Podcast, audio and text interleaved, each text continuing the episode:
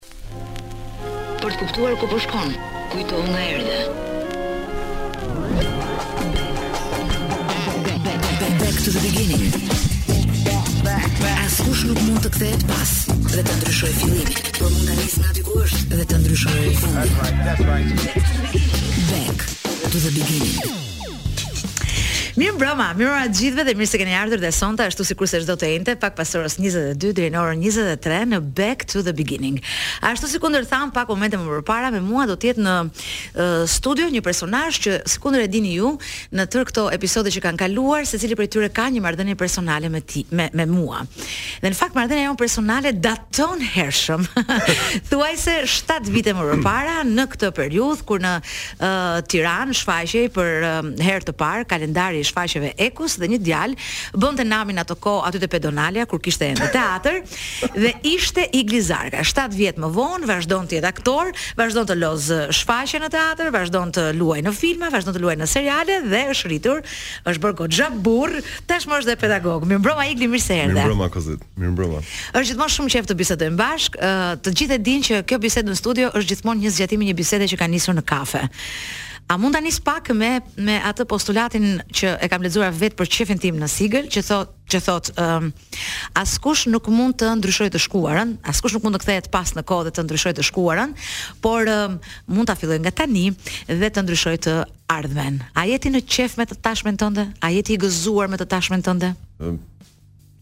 Oh.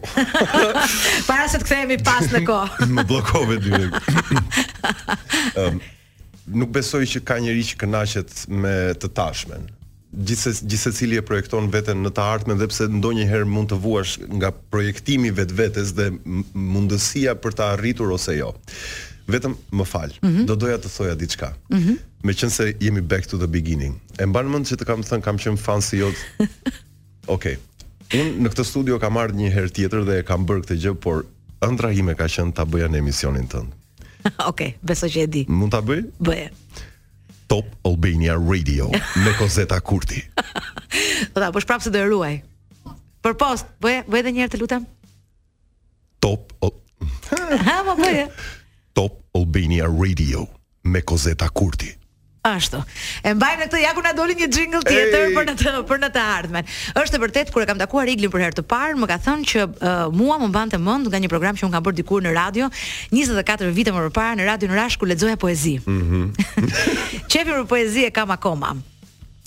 Uh, gjithashtu me Iglin kemi patur një bashkëpunim në Radio Tirana për një uh, cikël uh, programesh ku kemi bashkë drejtuar me shumë lezet. E ke menduar ndonjëherë që radioja mund të ishte një e tashmja jote ose një e ardhmja jote kur të mos kesh më nerva të merresh me studentët? E kam menduar, më pëlqen shumë madje të jem i sinqertë ti ma injektove.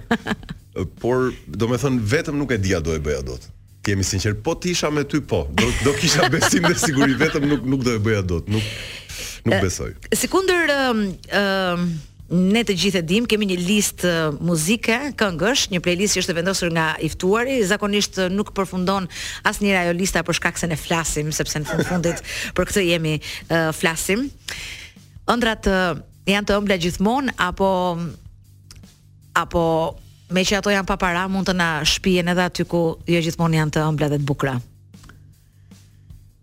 Këto kohët e fundit un nuk po shoh ëndra të bukura, të jem i sinqertë. Por, por besoj që sa herë hap sytë pas asaj ëndrre të keqe, të keqe, ëm um, i them vetes, ok, e keqja le të ngelë atje, ec përpara, sepse Ok, ëndrat janë të bukura, po ndonjëherë ëndrat e bukura nuk dalin. Dhe për më tepër që ne njerëzit uh, uh, aspak supersticioz, duam të ngushëllojmë veten dhe themi Ne na dalin gjithmonë në të kundërtën ëndrrat, ato të këqijat na kthehen të bukura në realitet. Who am I to disagree? I travel the world and the seven seas. Everybody's looking for something. Kloi thotë që është në pult atje të përshëndes e dashur, të kapa më në fund që këndon. Po ajo nuk e kupton që në karrigen ku je ulur ti, disa javë më parë kanë qenë këngëtar njëri pas tjetrit dhe mua nuk ma mbante të këndoja. Kurse përballë një aktori që në fakt edhe këndon shumë mirë, edhe mund t'ia dal. Do kthehemi pas në kohë. Ëm, ëm kam shumë dëshirë dhe shumë kuriozitet. Ne kemi bërë bashkë një intervistë filozofike dikur për uh, fillimet e tua, po dua një, një nga më, dua një jo përgjigje. Një nga më të mirat, po më e mira që kam bërë ndonjëherë. Faleminderit shumë. Ë uh, dua ta ta ta flasim konkretisht. Ëm um, kur deshe ti Igli të bëhesh aktor? Kozeta unë s'kam dashur kurrë të bëhem aktor. Unë as sot nuk dua të jem aktor. Unë as sot po nuk dua të jem. Bishti. Jo sinqerisht nuk kam dashur kurrë. Në fakt e, kam dashur të bëhesha ose arkitekt ose um, inxhinier. Po inxhinier larg ishte po arkitekt doja të bëhesha. Por rrethanat erdhën të tilla që Gjermania nuk më besoi dhe më kthyen. Por e, i pari që e ka thënë këtë fjali, ka qenë si si ma kanë thënë mua sepse un kam qenë shumë i vogël, ka qenë Ndriçim Xhepa. Ëh. Uh -huh.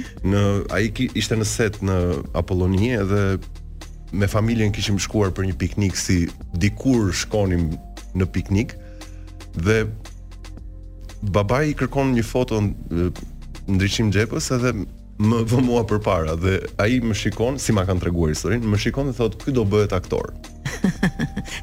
dhe e gjeti. Imagjino për shembull sa fëmijëve mund t'u kishte thënë Ndriçimi për t'u bërë qejfin prindërve. Po, po, Fëmija po, po, do po. bëhet aktor, po ja që po, me po, ty po. goditi. Me, me mua goditi. Të pa, domethënë kumbari yt dashje pa dashje në këtë fushë është Ndriçim Xhepa. Është patjetër po dhe është për mendimin tim aktorët e nivelit të Ndriçim Xhepës janë shkollë që ecin. Pra janë a, mjafton vetëm të shikosh punët e tyre, t'i dëgjosh në intervista dhe janë një shkollë më vete. Mua ti gjithmonë je dukur para se të njihja, po edhe tani që të njoh nga afër një natyrë e, e ndrojtur, pak e mbyllur, pak introverte, pra unë nuk e di a ke qenë ti çuni në shkollë që kishe qef të dilje para të gjithëve, të recitoje, të këndoje. Jo, jo, jo, jo. jo. Përkundrazi, madje unë jam akoma natyrë e e ndrojtur dhe introverte, por tashmë kam mësuar diçka. Ta ta mbuloj, ta kamufloj këtë gjë duke bërë të kundërtën. Por në fakt kështu jam, por bëj të kundërtën. Tashmë jam pra të gjitha i nxjerr në sensin pra çfarë mendoj, çfarë ndjej, nuk nuk druhem nga nga të qenit i vërtetë. Por prapëseprapë jam goxha i ndrojtur sepse lëndohem kollaj, kështu që. Do të kalojmë tani tek një këngë. Në fakt në fakt ishte kënga për të cilën unë dhe Kloi sot ishim gjithë kohës në dyshime. Igli duke menduar që unë jam një Shazam në radio, më kishte dërguar një listë vetëm me titujt se autorët ose grupet ose interpretuesit i di vetë. Dhe Shazami ngec ndonjëherë kur s'ka valë, s'po më binte ndërmend kënga On the Road Again. Oh. Tani është kënga e bukur apo ti ke ngecur ndonjëherë në mes të një rruge dhe kur kthehesh, kur e gjen rrugën përsëri të duket ë uh, drita jeshile diku. Unë jam gjithmonë në mes të rrugës, Kozeta. Jam gjithmonë duke ecur. Kam, domethënë, është një shprehje thotë, nëse ndalon ke vdekur. Në, pra nëse ti qëndron në një vend dhe unë besoj që vazhdoj ta bëj këtë gjë vetëm eci. Përpara mund të ketë gropa, mund mund të ketë gremina, mund të ketë humnera, por Sërish të vazhdoj të eci. On the road again, Willie Nelson, për të gjithë juve që sapo keni hapur radion, jeni gjithë ju në Top Albania Radio. Faleminderit për zgjedhjen më optimale të mundshme që keni bërë duke na ndjekur. Në fund të fundit nuk është se keni ndonjë gjë më të mirë për të bërë gjatë këtyre 60 minutave, përveç se të na ndiqni dhe të na dëgjoni ne. Igli filmi apo teatri? Të dyja. Të dyja. nga teatri është më i frikshëm. Është më, sepse ka gjendjen emocionale më të madhe. Është i gjallë, është i gjallë. Mm -hmm. um, nuk e harroj ditën e parë, pra meqë e përmendëm shfaqjen Equus. Ditën e parë që kam dalë me koshiencë të plot përballë 450 veta, nuk e mbaj mend sa mbante ajo sallë. E kam parë plot dhe në atë Për një milisekond kam menduar, kur ndihem unë kështu, si ndihet një futbollist para 40.000 vetave.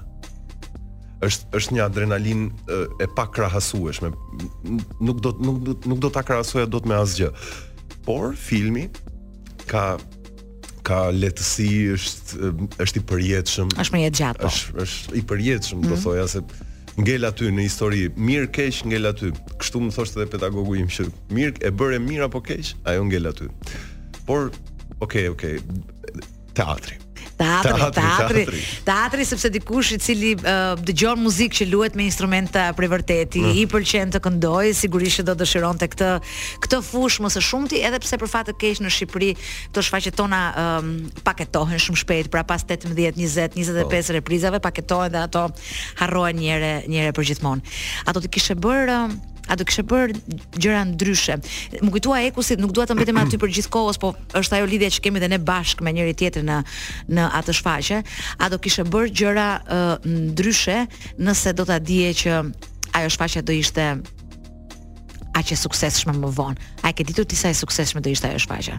Kur shkove aty në në në ato dyert e atij audicionit atje? Ëm um Kam bërë shumë gabime unë mm. në atë vit. Gabime që po të isha pak më i pjekur, mund t'i shmangja. Por, por, po të rikthehesha, do bëja të njëjtat gjëra. Të njëjtat. As nuk do ndryshoja presjen nga ato që kam bërë. Ëm për sa i përket suksesit të shfaqjes, sinqerisht suksesin e asaj shfaqje unë e kam kuptuar 3 vite më vonë. Kur ndjesë. Mm -hmm.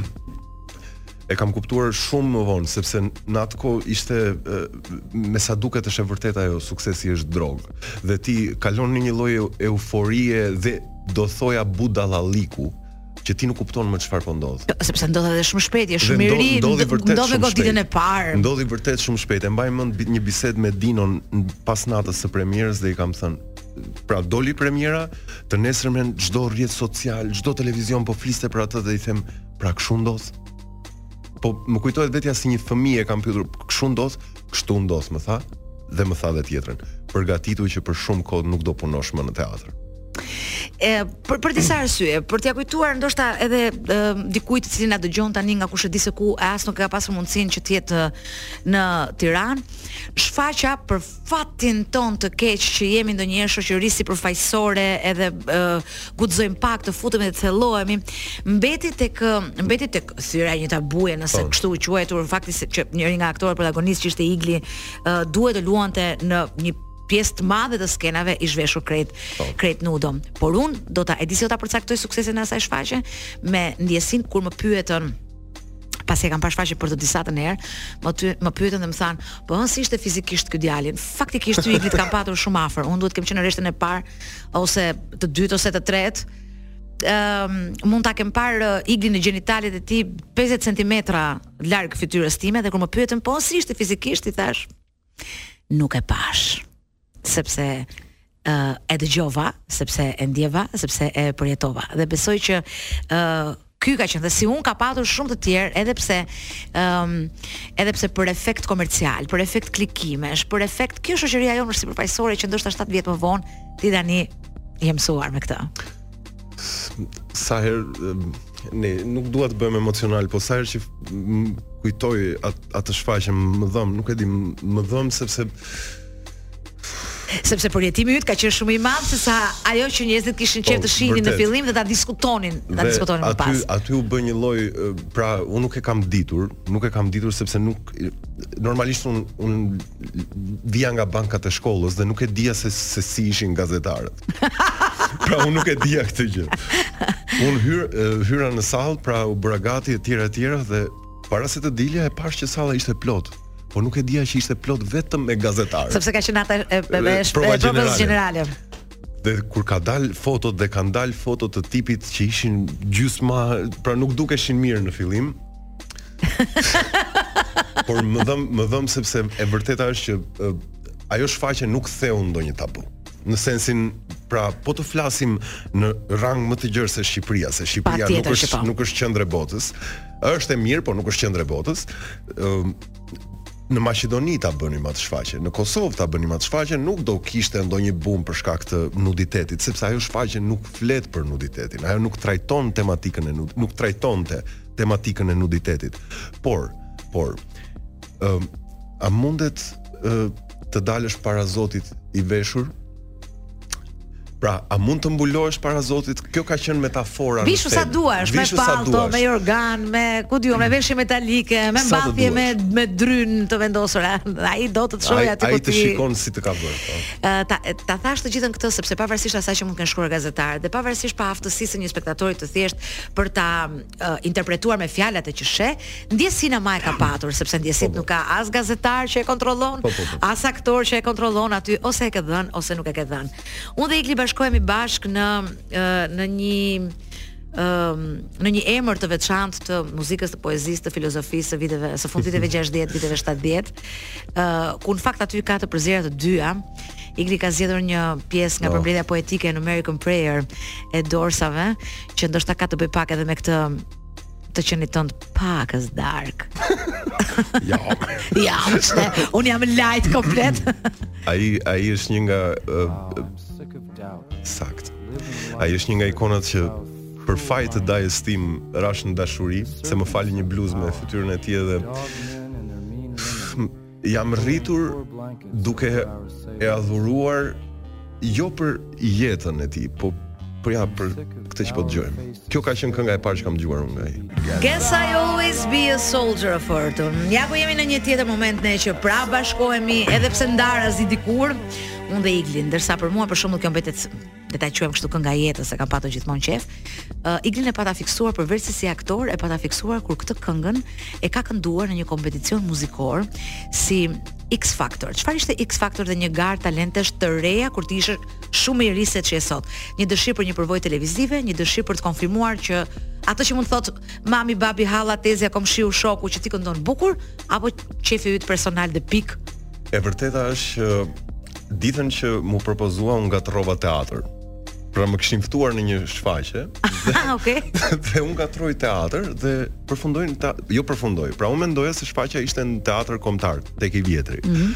Dhe në në hollin e teatrit takoj Vera Grabockën dhe bashkëshortin e saj, profesorin tim, Timo Flloko. Dhe ai i thotë, "Vera, ky është studenti që këndon."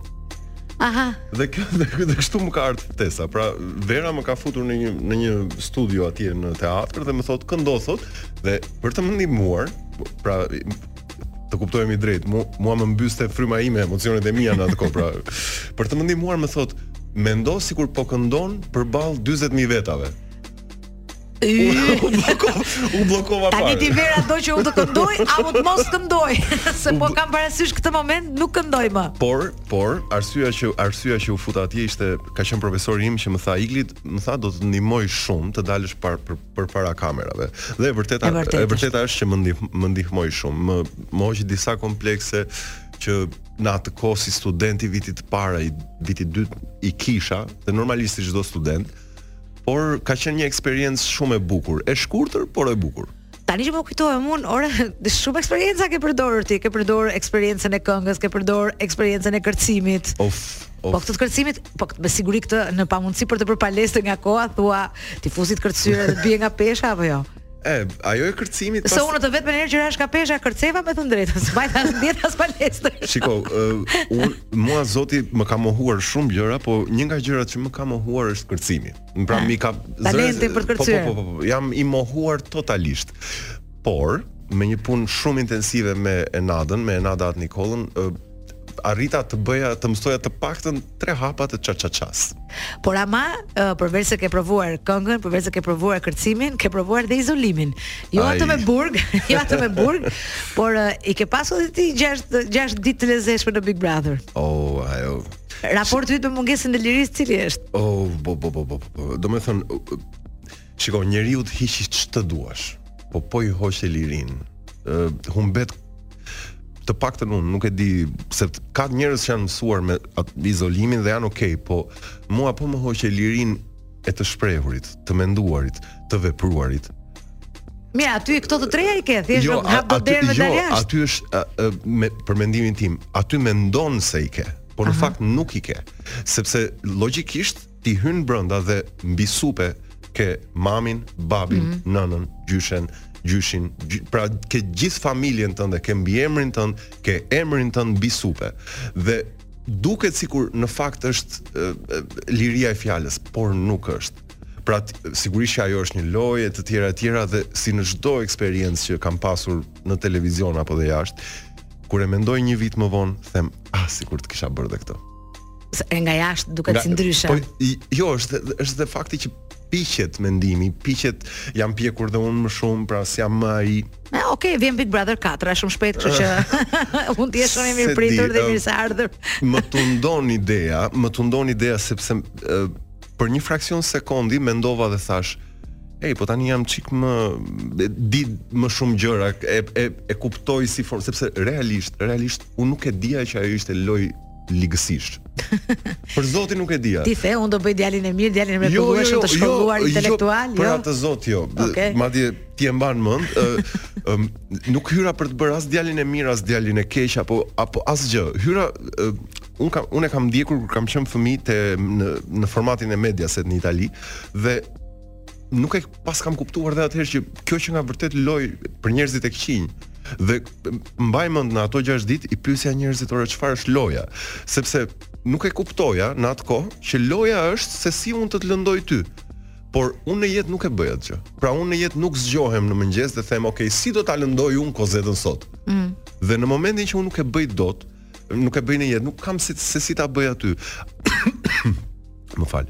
Ai format, po, ai format nxjerr anët më të errta të që kanë njerëzit dhe siç e shikojmë edhe tani ë ne kemi njerëz me shumë anë të errta që përfitojnë kohë televizive dhe Hallall ta kenë. Po sikur të luajnë për shembull njerëzit, uh, të jenë pak më tepër aktor se ju që jeni aktor. Jo, un besoj, un besoj që jo, jo, jo, nuk nuk besoj se ajo lloj ligësie është lojë.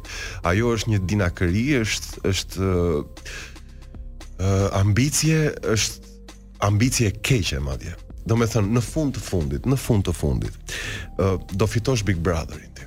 do mm. fitosh edhe disa followers aty disa miliona nuk ka rëndësi fare. Po. O do fitosh pasurinë e gjithë kësaj bote. Por nëse ti nuk ke dinjitet, nëse ti nuk je një njeri me vlera, të rrofshin lekët, të rrofshin lekët, realisht e kam. E di si më duket sikur je brenda Big Brother tani. Po po po po pra sepse e, mua kjo kjo më frustroi atje sepse thashë me vete, ok, ato që un kam të mira për çfarë t'i humbas këtu? Për çfarë? Për për për disa lek më shumë, për, për, për disa lek më shumë apo për disa followers më shumë, unë nuk shes kremra në Instagram. Pra pra nuk Edhe mund t'i shesësh se goxha djalë i bukur je. Po po nuk i shes. Dhe meqë jemi tek tek djemtë djemtë e bukur që je ti, je shumë simpatik.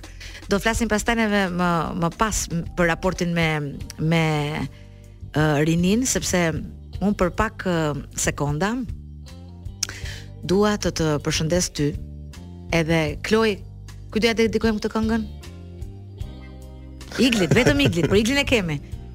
Për Iglin e kemi. Nga dikush për Iglin, e ç'më çove në kor atë një këngë për ty, moj çup. Uh, Dikush i cili do të mbetet anonim ka dedikuar Iglit një këngë, ne do ta dëgjojmë për pak. Faleminderit anonimi. Eh, Anonime. Daniel Castro, I'll play the blues for you. Sa herë dua un për shembull të iki të uh, bëj ndonjë detyrë që zgjat shumë në kohë, vendos ose këtë këngë ose Stairway to Heaven. Po ne do jemi për pak për ta dëgjuar sepse e kemi kohën shumë të limituar. po dëgjoj veten. Është shumë e bukur, sidomos në këto orët e vona të mbrëmjes, ky bluzi në fakt është si është muzikë e dedikuar për të dëgjuar në mbrëmje, nuk e di, mua këtë përshtypje më jep. A është muzika një A është muzika një gjendje kohe dhe orari, pra a mund ta dëgjosh ti këtë këngë kur zgjohesh në mëngjes dhe je vonë për në punë? Jo. A pra. Jo, okay. po duke vajtur për punë mundet. Aty po sepse e di që do kesh një uh, raportim të gjatë me njerëzit gjatë ditës, uh, dhe me qira fjala, Ja, a ideali i vogël që dëgjonte një vajzë më të rritur në radio që isha unë, pastaj që papritur ja dedikoi fatin, ja vendosi fatin, nëse mund ta quajmë kështu Drejtshim Xhepa për të bërë aktor, që më pas njohu një personazh si Timo Flloko që po ashtu pa dashje dhe rastësisht e shpie muzika dhe kështu me radhë. A e kishe menduar ndonjëherë Igli Zarka që ti që ndoshta mund të kesh qenë sado introvert, pak student rebel, unë mendoj që ti ke qenë i tillë, do të dilje para studentëve, a ke pasur ndonjëherë frikë që studentët e tu mund të ishin sa gjysma jote për shembull përballë teje si pedagog? Ë uh, fjali fjalimi i parë që unë mbaj në çdo fillim viti i them, unë i them këtë. Unë do doja shumë që dikush prej jush të shkonte në të njëjtin audicion me mua dhe ta fitonte. Sepse në, të paktën unë kështu e unë kështu e kam kuptuar dhe nga pedagogu që kam pasur, po kështu e mendoj që në momentin që një student për shkak të talentit, aftësisë, përgatitjes e të gjitha me radhë, ai arrin të fitojë. Dhe ku ka më bukur se studenti jot të ta kalojë. Nuk ka më bukur, sepse aty ti ndihesh i plotësuar, pra ti atë që ke ia ke dhënë dhe ai ai ose ajo e ka marrë dhe e ka përdorur për për mirë, për mirë, për mirë. Për mirë. Kur ne kemi folur bashkë, ne ne kemi bërë një bisedë të gjatë bashkë për sa i përket ëm um, marrëveshjeve që mund të bëjmë me veten ton, kompromiseve që mund të bëjmë me veten tonë për të dukur të rinj, për të ndjekur, për të për t'u ndjerë të rinj. Më kujtohet për shembull ai diskutimi mbi portretin e Dorian Gray. Oh, edhe më kujtohet që të kam pyetur dhe të kam thënë që tash kush nuk e do rininë kush do të jetë gjithmonë i bukur i freskët i drejtë e gjitha këto me radhë patjetër që po ndonëse edhe ato rudhat edhe thinjat edhe gjithçka tjetër është pjesë e përvojës e eksperiencave e me radhë ë uh, a është a është shumë e guximshme T'ia shesësh shpirtin djallit për të qenë gjithmonë i ri. Ëm, um, shiko,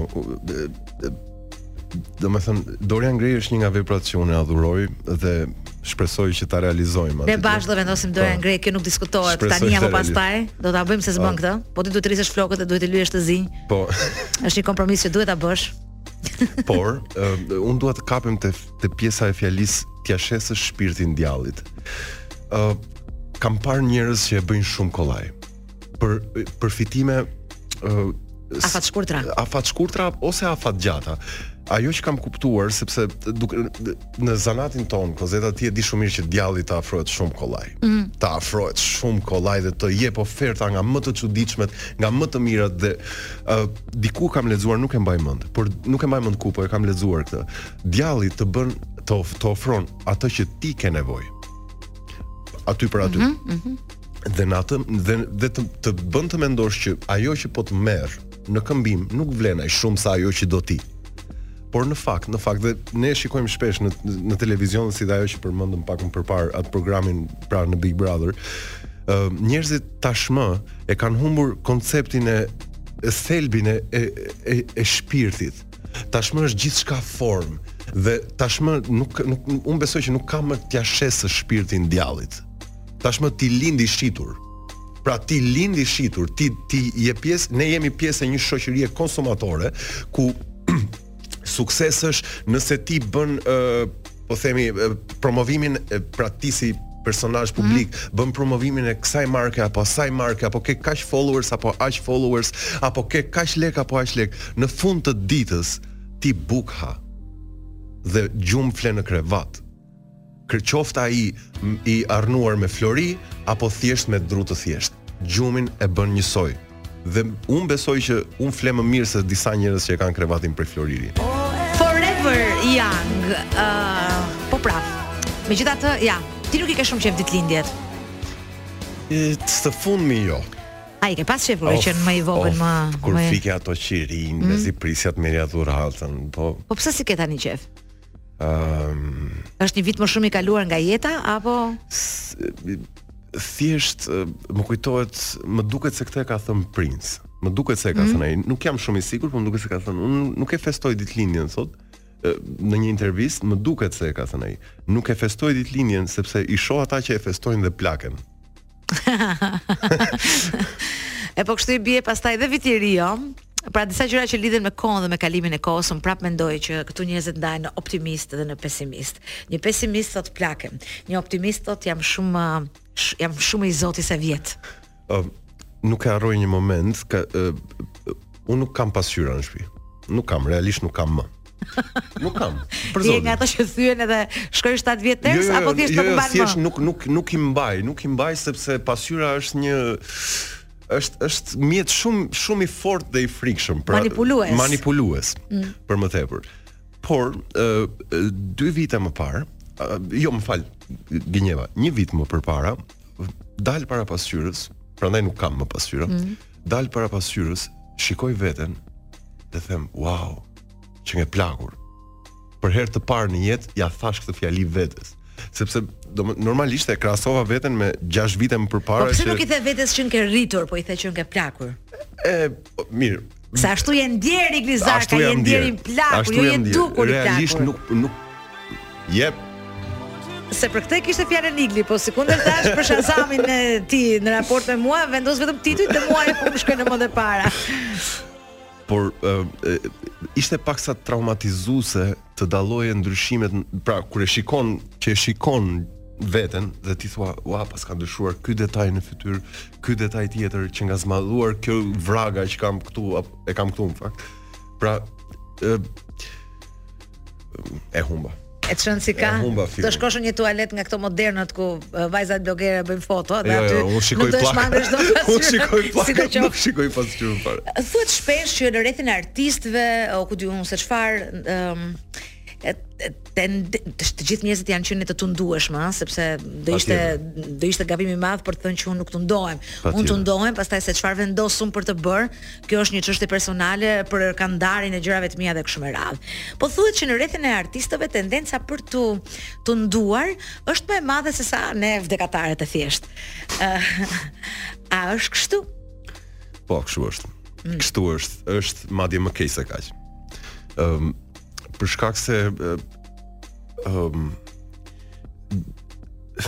nuk do të doja bashkëjetesa për shumë orë doja... në të njëjtat mjedise. Jo, e di, e di, nuk dua të ofendoj askënd. Mm -hmm. Po e, jemi pak të çuditshëm ne. Mm. Po jemi të çuditshëm secili në mënyrën e vet. Secili në çudinë e vet. Në çudinë e vet. Pra secili është në botën e ka ka krijuar botën e vet dhe në qoftë se do thoja një përkufizim, nuk do i përfshija dot të gjithë.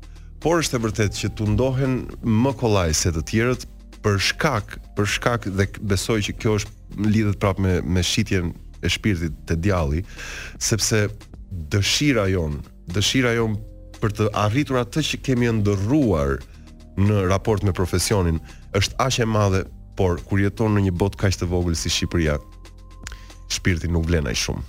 E di pse të pyeta Igli sepse uh, ne së bashku duke u kthyer pas në kohë, tashmë uh, 6 vite më përpara, kemi punuar në të njëjtin projekt, kemi uh, sjellë po. në skenë At Sergin e po. Tolstoit. Uh, dhe ajo që doja unë të të pyesja se prandaj nuk dola uh, më kot tek tundimi është që a janë rolet një në një detyrë që fillon dhe mbaron apo atje nga personazhi i interpretuar mund të ruhet personalisht një një gjë që e mëson dhe e bën tënden dhe fillon të mendosh edhe ti si ai personazhi që ke luajtur, meqë tek ai rol goxha i rënduar, Igli Zarka. ti e mban mend se kur kur më propozove atë rol, unë të thashë që ky është një rol shumë i vështirë, është një hap tjetër në karrierën time. ë uh, Tolstoi patjetër një një ka ka shkruajtur një kryevepër. ë uh, është një shkrirje, besoj unë të paktën. Është një shkrirje midis asaj që ka shkruar shkruajtur autori dhe asaj që tenton të arrijë aktori. Ai është patjetër që nga ai rol kanë, më kanë ngelur shumë mësime, shumë mësime dhe asnjë nga ato s'e kam zbatuar. Të jem i sinqertë, të jem i sinqertë, nuk e kam zbatuar. Ta them unë, mëkatar deri në fund me pak fjalë. Ne. Aleluja, Leonard Cohen ka qenë një këngë që um, Igli së bashku me pjesën tjetër të kastit të aktorëve e mbyllte uh, shfaqjen si një oh. mënyrë për të thënë që çfarëdo lloj gjëje që të ndodhë, njerëzit janë të vdekshëm, njerëzit janë mëkatarë dhe në fund ajo që mbetet është njeriu, është dashuria për njeriun, edhe pranimi i tij me të mirat, edhe të këqijat e veta. Mund të ndërhyj? E ke dëgjuar historinë e varrimit të Aleksandrit të Madh? Jo. Që i dha urdhër shërbëtorëve të vet që ta shtronin rrugën me flori? dhe dorën një dorë t'ia linin jashtë, vetëm që t'i tregonte popullit që s'merrte asgjë me vete? Ah, okay. S'e kemi biseduar. S'e kemi biseduar këtë. Është mund nuk e di a është e vërtetë ajo, po e kam lexuar diku. Ah, Leonard Cohen, aleluja. Çfarë është Zoti energjia? Ku di unë si ia vë emrin ti, mbinatyra, Igli është një raport me një të panjohur që nuk të lejon ose të frenon të bësh gabime, ke e ke frikë apo apo s'e ke fare. um, së fundmi këto dy vitet e fundit nuk e di unë kam besuar në Zot sigurisht mm -hmm. nuk nuk mund të them që nuk kam besuar por tashmë dikur besoja që ishte frika pra Bibla apo mhm. çdo mm -hmm. gjë tjetër Kurani e të tjera të tjera janë shkruajtur për të mbajtur popullin në kontroll. kontroll Tani besoj të kundërtën. Tani besoj që ashtu siç kemi manual përdorimi për një për një aplikacion apo për një, nuk e di, vegël, Bibla, Kurani edhe shumë fe të tjera janë thjesht manual se si të jetosh.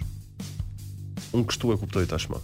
Pra, dikur dukej sikur mos bëj këtë, pra kur ti e lexo, mm. kur e lexoja, mos bëj këtë, mos bëj këtë sepse kjo, sepse ajo. Tani e kuptoj që ajo nuk duhet bërë se është gabim, se është keq, është keq për mua. Jo se do dënohem nga dikush tjetër, një fuqi mbinatyrore. Pra, me frikën tani mund të luash më kollaj. Është më e thjeshtë të, të luash me frikën tani. Apo është po njësoj si të luash me zjarrin? Ëh, të luash me frikën është më keq se të luaj, mos ma kujto, he. Sepse kështu do duhet ta mbyllnim ne. një tjetër projekt i yni, pra siç siç mbaronte një me haleluja, një tjetër fillonte me të luash me frikën është më keq se të luash me zjarrin. Domethënë ti ka gjëra nga të cilat ke frikë, përveç se nga vetja jote që besoj se ke frikë. Uf, po, unë vetëm veten time kam frikë. Nuk kam njeri tjetër frikë. Veten time. Është i vetmi armik që kam. që mund të mos të pranojë kur do të poshti, që mund të poshti që të pranon, që të pranon më shumë se sa duhet, që s'të s'të ndëshkon për çfarë ke frikë veten tënde. Unë jam guximtar ndaj vetes, po vetja ime është qëka shumë e fuqishme. Domethënë guxoj, por duhet të rritem akoma. Deri në luftën e ardhshme të veteve të Igli Zarkës, unë mendoj që shfaqjet do të vazhdojnë sërish do të vazhdojnë. Do vazhdojnë, gjithmonë do vazhdojnë, the show must go on. Miq, unë falenderoj shumë që ishit me ne sonte. Falenderoj Iglin që ishte bashkë me mua në studio. The show must go on, e dashur Kloi, përqafime ty fort. Kloi,